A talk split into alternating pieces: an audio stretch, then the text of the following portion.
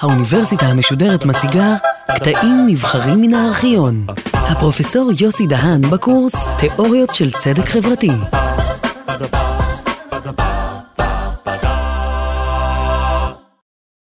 היום אנחנו נשוחח על uh, פמיניזם. מדברים על עקרונות צדק חלוקתי, ושאלה uh, שתעניין אותנו זה עקרונות הצדק החלוקתי בין uh, גברים ונשים. פמיניזם זה שם משפחה למספר תיאוריות, לא מציין uh, תיאוריה אחת. כלומר, יש הרבה זרמים של פמיניזם, יש פמיניזם ליברלי, מרקסיסטי, ליברטריאני. מה שמאחד את כל הגישות הפמיניסטיות זו העמדה שיש לבטל את הדומיננטיות של גברים על פני נשים. וגישות uh, פמיניסטיות שונות סבורות שיש דרכים שונות להגשים את זה. תחילת הפמיניזם הוא uh, בתקופת ההשכלה, אבל uh, ניתן למצוא מאבקים למען נשים כמובן גם בתקופות מוקדמות יותר. אבל כאשר מדובר על אה, טקסטים אה, מודרניים, אז מדובר על טקסטים אה, שהתחילו באותה תקופה. טקסט מרכזי, או שני טקסטים מרכזיים, שאנחנו נזכיר כאן, שעוסקים בשוויון נשים, אחד הוא הטקסט של מרי וולסטון קראפט, טקסט בשם למען זכויות הנשים, שהתפרסם ב-1792. אה, שבו וולסטון קראפט טענה להגנה על זכויותיהם הטבעיות והפוליטיות של נשים, טענה שנשמעה אז מאוד מאוד רדיקלית. היא לחמה למען חינוך שווה לנשים, ויצאה נגד הקשר בין uh, הענקת מעמד אזרחות ושירות צבאי. לוחם אחר למען זכויות נשים, או זוג, יותר נכון, שלחם למען זכויות נשים, הוא הפילוסוף הבריטי ג'ון סטיוארט מיל, ובת זוגו הריאט טיילור. אה, מיל כתב טקסט בשם The Subjection of Women ב-1869, ושם הוא יצא נגד אפליית נשים ולמען אזרחות שווה לשני המינים. הוא ראה את ההבדל בין המינים, או הטענה אודות ההבדל הטבעי בין המינים כבלתי רלוונטי מבחינה פוליטית, לאחר מכן אנחנו יכולים לזהות במאבק למען זכויות נשים תנועה למען אה, זכויות הצבעה לנשים בתחילת המאה, ב, בתחילת המאה ה-20 בארצות הברית. אבל צריך לזכור שחלק מהמאבקים הללו למען שוויון נשים היו אה, מאבקים שלא היו ממש לשוויון מוחלט. למשל, אה, התנועה שדרשה זכות הצבעה שווה לנשים אה, טענה שאכן יש קריטריונים נוספים, כגון ידיעת קרוא וכתוב, החזקת רכוש, אה, שהם תנאים אה, הכרחיים להצבעה. כאמור, פמיניסטיות פנו לכיוונים שונים, יש זרמים פמיניסטיים שונים, יש ליברלים, סוציאליסטים ואחרים. מה שאנחנו אה, נעשה בשיחה הזו, אנחנו דווקא נבחן את הפמיניזם הליברלי והביקורת אה, כלפיו. כאמור, עד ל- לא מזמן רבים סברו שההבדלים בין נשים לגברים הם הבדלים טבעיים, ולכן זה רק טבעי שגם חלוקת העבודה וחלוקת המשאבים בחברה יתבססו על ההבחנה הזו נשים באופן טבעי ימצאו את מקומם בדאגה למשפחה ויעשו את רצון בעליהם. כיוון שיש להם תכונות טבעיות לעסוק בפעילות הזאת, ואין להם, אין להן את התכונות להשתתף בפעילות חברתית ופוליטית, כיום uh, הטענה הזו נזנחה במידה רבה. אנשים לא טוענים באופן רציני שההבדלים הטבעיים בין גברים ונשים צריכים לשמש בסיס להענקת זכויות או לחלוקת משאבים חברתיים וכלכליים בין uh, גברים uh, ונשים. כיום אנחנו uh, כולנו מקבלים את ההנחה הליברלית שצריך להיות שוויון, שוויון uh, בין גברים לנשים. ודאי שוויון פורמלי. אה, אנחנו צריכים להעניק אה, שוויון זכויות פוליטי, חברתי, כלכלי, אה, לנשים. אולם, גם כאשר אנחנו מיישמים או מנסים ליישם את התפיסה הליברלית, עדיין המציאות היא כזו שיש פערים, פערים גבוהים מאוד, בין גברים ונשים, בתחומים שונים. למשל, ניקח את תחום השכר. אנחנו יודעים למשל שבישראל נשים מרוויחות כ-80% מהשכר החודשי של גברים. Okay? אוקיי? וכך גם באשר לשכר שלהם לשעה, מרוויחות פחות מגברים שכר חודשי לשעה. כביכול זה לא היה צריך להתרחש, כיוון שהחוק טוען שקיים שוויון. יש, יש לנו אפילו חוק, חוק שוויון הזדמנויות אה, בעבודה, יש לנו חוקים אחרים שמגינים על נשים, אבל uh, אנחנו רואים שעדיין מתקיימת אפליה על רקע מין, כאשר החוק כביכול הוא ניטרלי והוא שוויוני. הביקורת כלפי הגישה הליברלית או הגישה הליברלית המצומצמת שמסתפקת בשוויון פורמלי היא שהמוסדות והתפקידים בחברה שלנו מוגדרים עדיין באופן מוטה כלפי נשים, או נאמר זאת, מוגדרים על ידי גברים. ולכן יש שוויון הזדמנויות פורמלי, יש שוויון הזדמנויות חוקי. אולם, באופן ממשי, שוויון ההזדמנויות הזה, טוענות אה, פמיניסטיות, הוא אשליה. הוא אשליה כיוון ששוב, הבסיס החברתי, תפקידים, כללים חברתיים שהם לאו דווקא כללים משפטיים, הם, או פרקטיקות מרכזיות בחברה שלנו, הן פרקטיקות שפועלות לטובת גברים. ניקח דוגמה.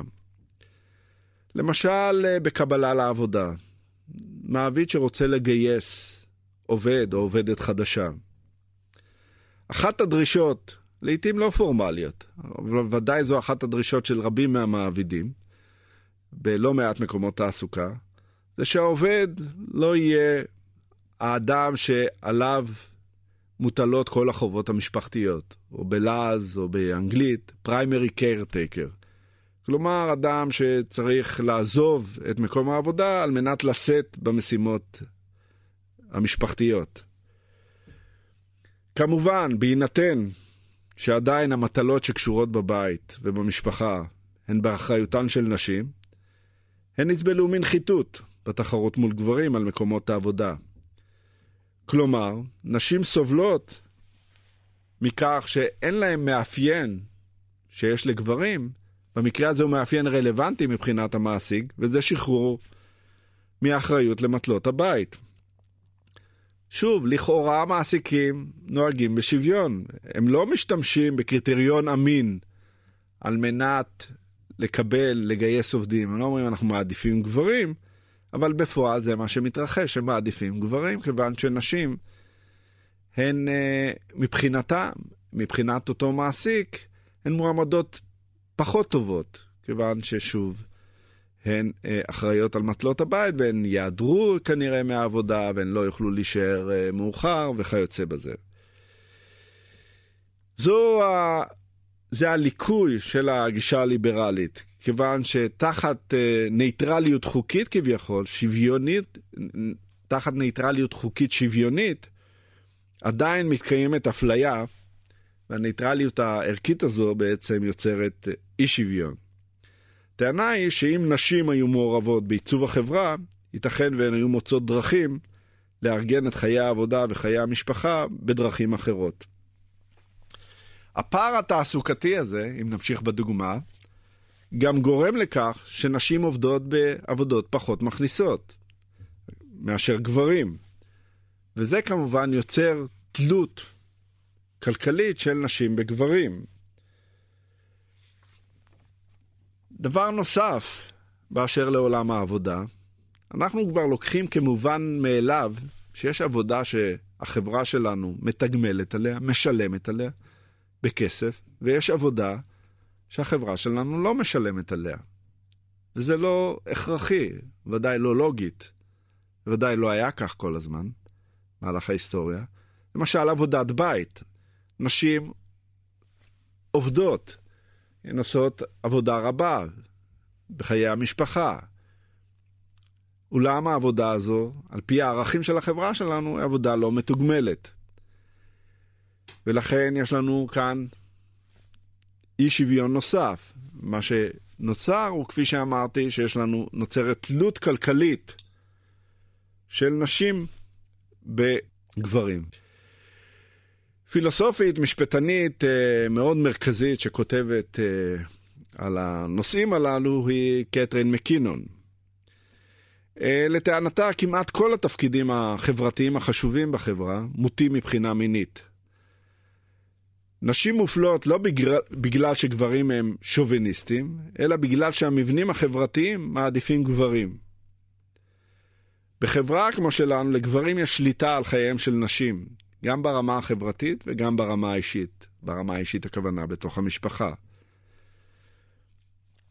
לטענתה לא מדובר באפליה, אלא המושג היותר חשוב או ראוי הוא שליטה. לא discrimination, אלא domination.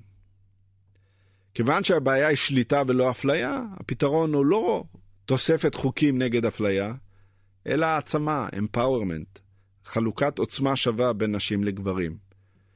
ולכן מה שנחוץ הוא לא שוויון הזדמנויות, אלא שוויון בעוצמה. מדוע? על מנת לשנות את הכללים החברתיים, את חלוקת התפקידים.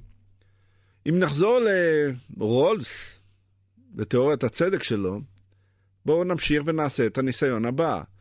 כזכור לכם, רולס רצה למצוא מהם עקרונות הצדק שפועלים, שראויים במדינה דמוקרטית. והדרך שלו לעשות זאת, הוא אמר בואו נקיים איזה סוג של אמנה חברתית, כאשר הצדדים לאמנה החברתית אמורים להיות מאחורי מסך בערות. הם לא יודעים מי הם, אם הם אה, גברים או נשים, עשירים או עניים, שחורים או לבנים, חילונים או דתיים.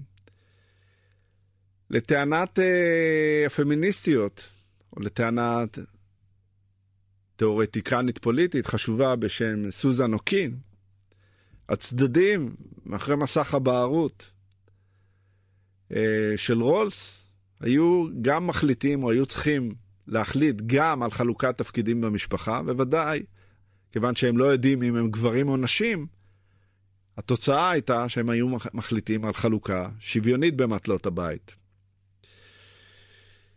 אחת הביקורות המרכזיות של uh, הפמיניזם כלפי התיאוריה הליברלית, לא רק הליברלית, אבל בעיקר הליברלית, זו ההבחנה המרכזית שעומדת בבסיס התיאוריה הליברלית, זאת ההבחנה בין האישי, בין הפרטי, לבין הציבורי, לבין הפוליטי. התיאוריה הליברלית מבחינה בין הפרטי לבין הציבורי. עקרונות צדק על פי התיאוריה הליברלית צריכים להתייחס רק לתחום הציבורי. כאשר כל תחום המשפחה מוגדר כפרטי.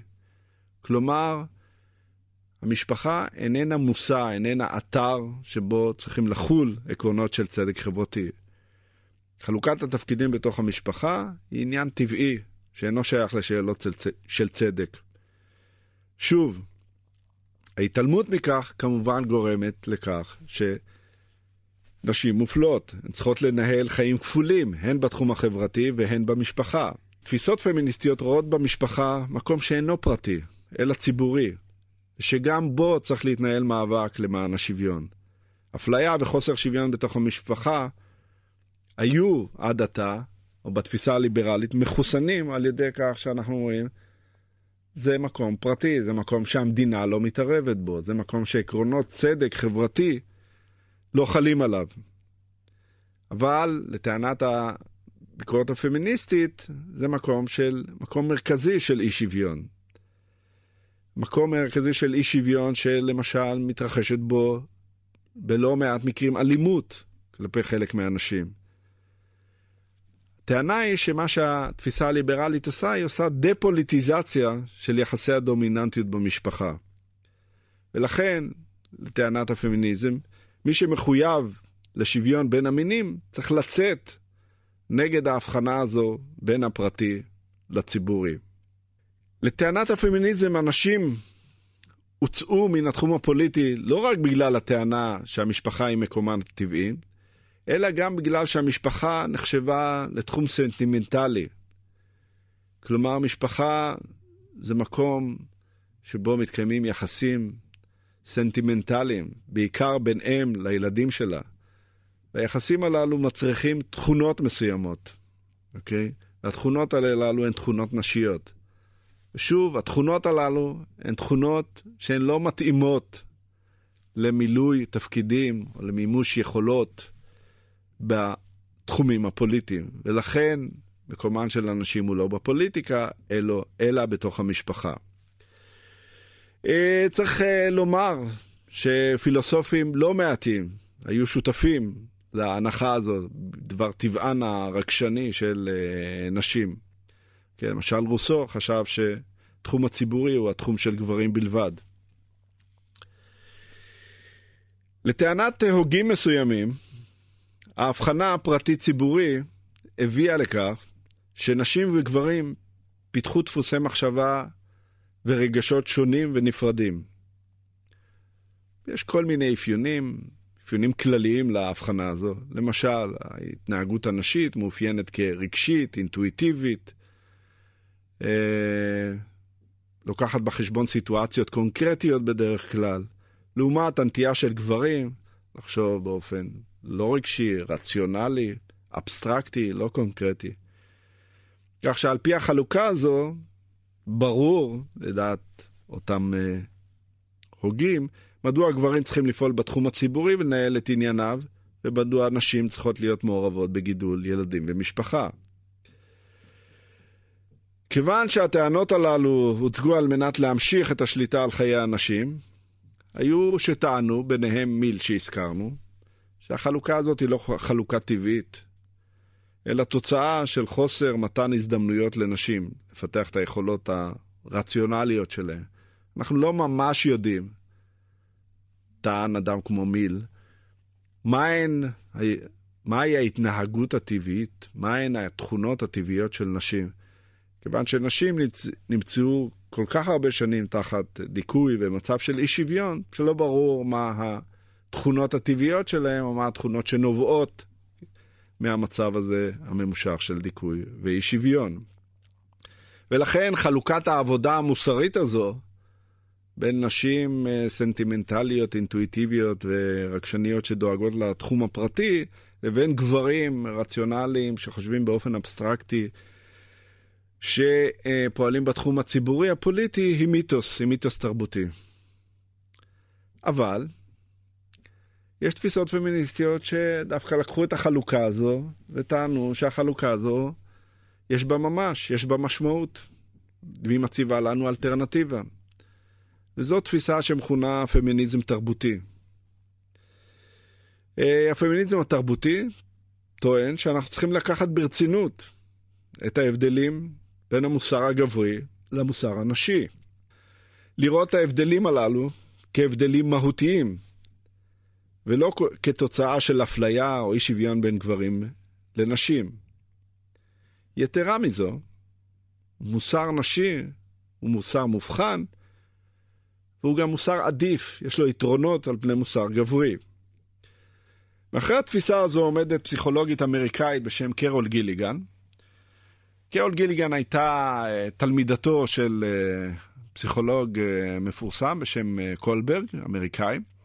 וקולברג בדק את ההתפתחות המוסרית אצל ילדים. גיליגן בחנה אף היא את ההתפתחות המוסרית אצל ילדים, וטענה שהסולם, סולם ההתפתחות המוסרית של קולברג הוא אה, סולם שגוי, סולם מוטה, אה, סולם גברי.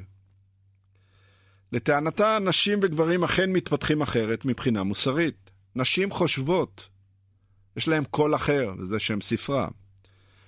והיא פיתחה אתיקה של, היא סברה שיש אתיקה של צדק לעומת אתיקה של דאגה, אתיקה של אחריות מול אתיקה של זכויות, אתיקה בתוך הקשר קונקרטי לעומת אתיקה אבסטרקטית. או מה שניתן לכנות, וזה הפך כבר לזרם, אתיקה של קר, של דאגה, לעומת אתיקה של ג'סטיס, איך אנחנו מאבחנים בין השניים? למשל, עקרונות של צדק נלמדים לעומת יכולות ורגישויות מוסריות שמתפתחות, אוקיי? שייכות לקר כמובן. בצדק, אנחנו מחפשים אחרי עקרונות אוניברסליים ולאחר מכן אנחנו מיישמים אותם. לעומת זה, באתיקה של קר, אנחנו מחפשים תגובות מתאימות לסיטואציה קונקרטית. בעוד שצדק, תפיסות צדק, מעמידות במרכזן זכויות, חובות, הוגנות, תפיסות של דאגה מדגישות מחויבות ויחסים. גיליגן הסיקה את המסקנות הללו ממחקרים שהיא ערכה בעצמה והבחינה בין שיפוטים שונים והתנהגות שונה של נערות, ילדות, לעומת נערים וילדים. הביקורת כלפי גיליגן היא uh, שהיא בעצם uh, רק משמרת ומחזקת את הרעיון שאכן קיימים דפוסים שונים של חשיבה, של uh, יכולות בין גברים ונשים, ועל ידי כך מאפשרת להמשיך את האפליה או לחזק את האפליה שמבוססת על אלמנטים שהם אלמנטים שנובעים מנסיבות חברתיות וכלכליות. אה, אתיקה כזו, אה, אומרים אה, פמיניסטיות אחרות, היא פשוט משחקת לידיים של אנשים שרוצים להמשיך את מצב אי האפליה ואי השוויון. כאמור, המחלוקת בתוך המחנה הפמיניסטי היא מחלוקת קיימת, היא מחלוקת אה, אה, גם אודות הדרכים כיצד אה, לקיים שוויון בין גברים ונשים, אולם שוב, ההנחה המרכזית, המשותפת, היא שיש יחסי דומיננטיות, יחסי אי שוויון בין גברים ונשים, והפמיניזם, מטרתו היא ליצור מצב של שוויון בין שתי הקבוצות הללו. בין שתי הקבוצות הללו. שתי הקבוצות.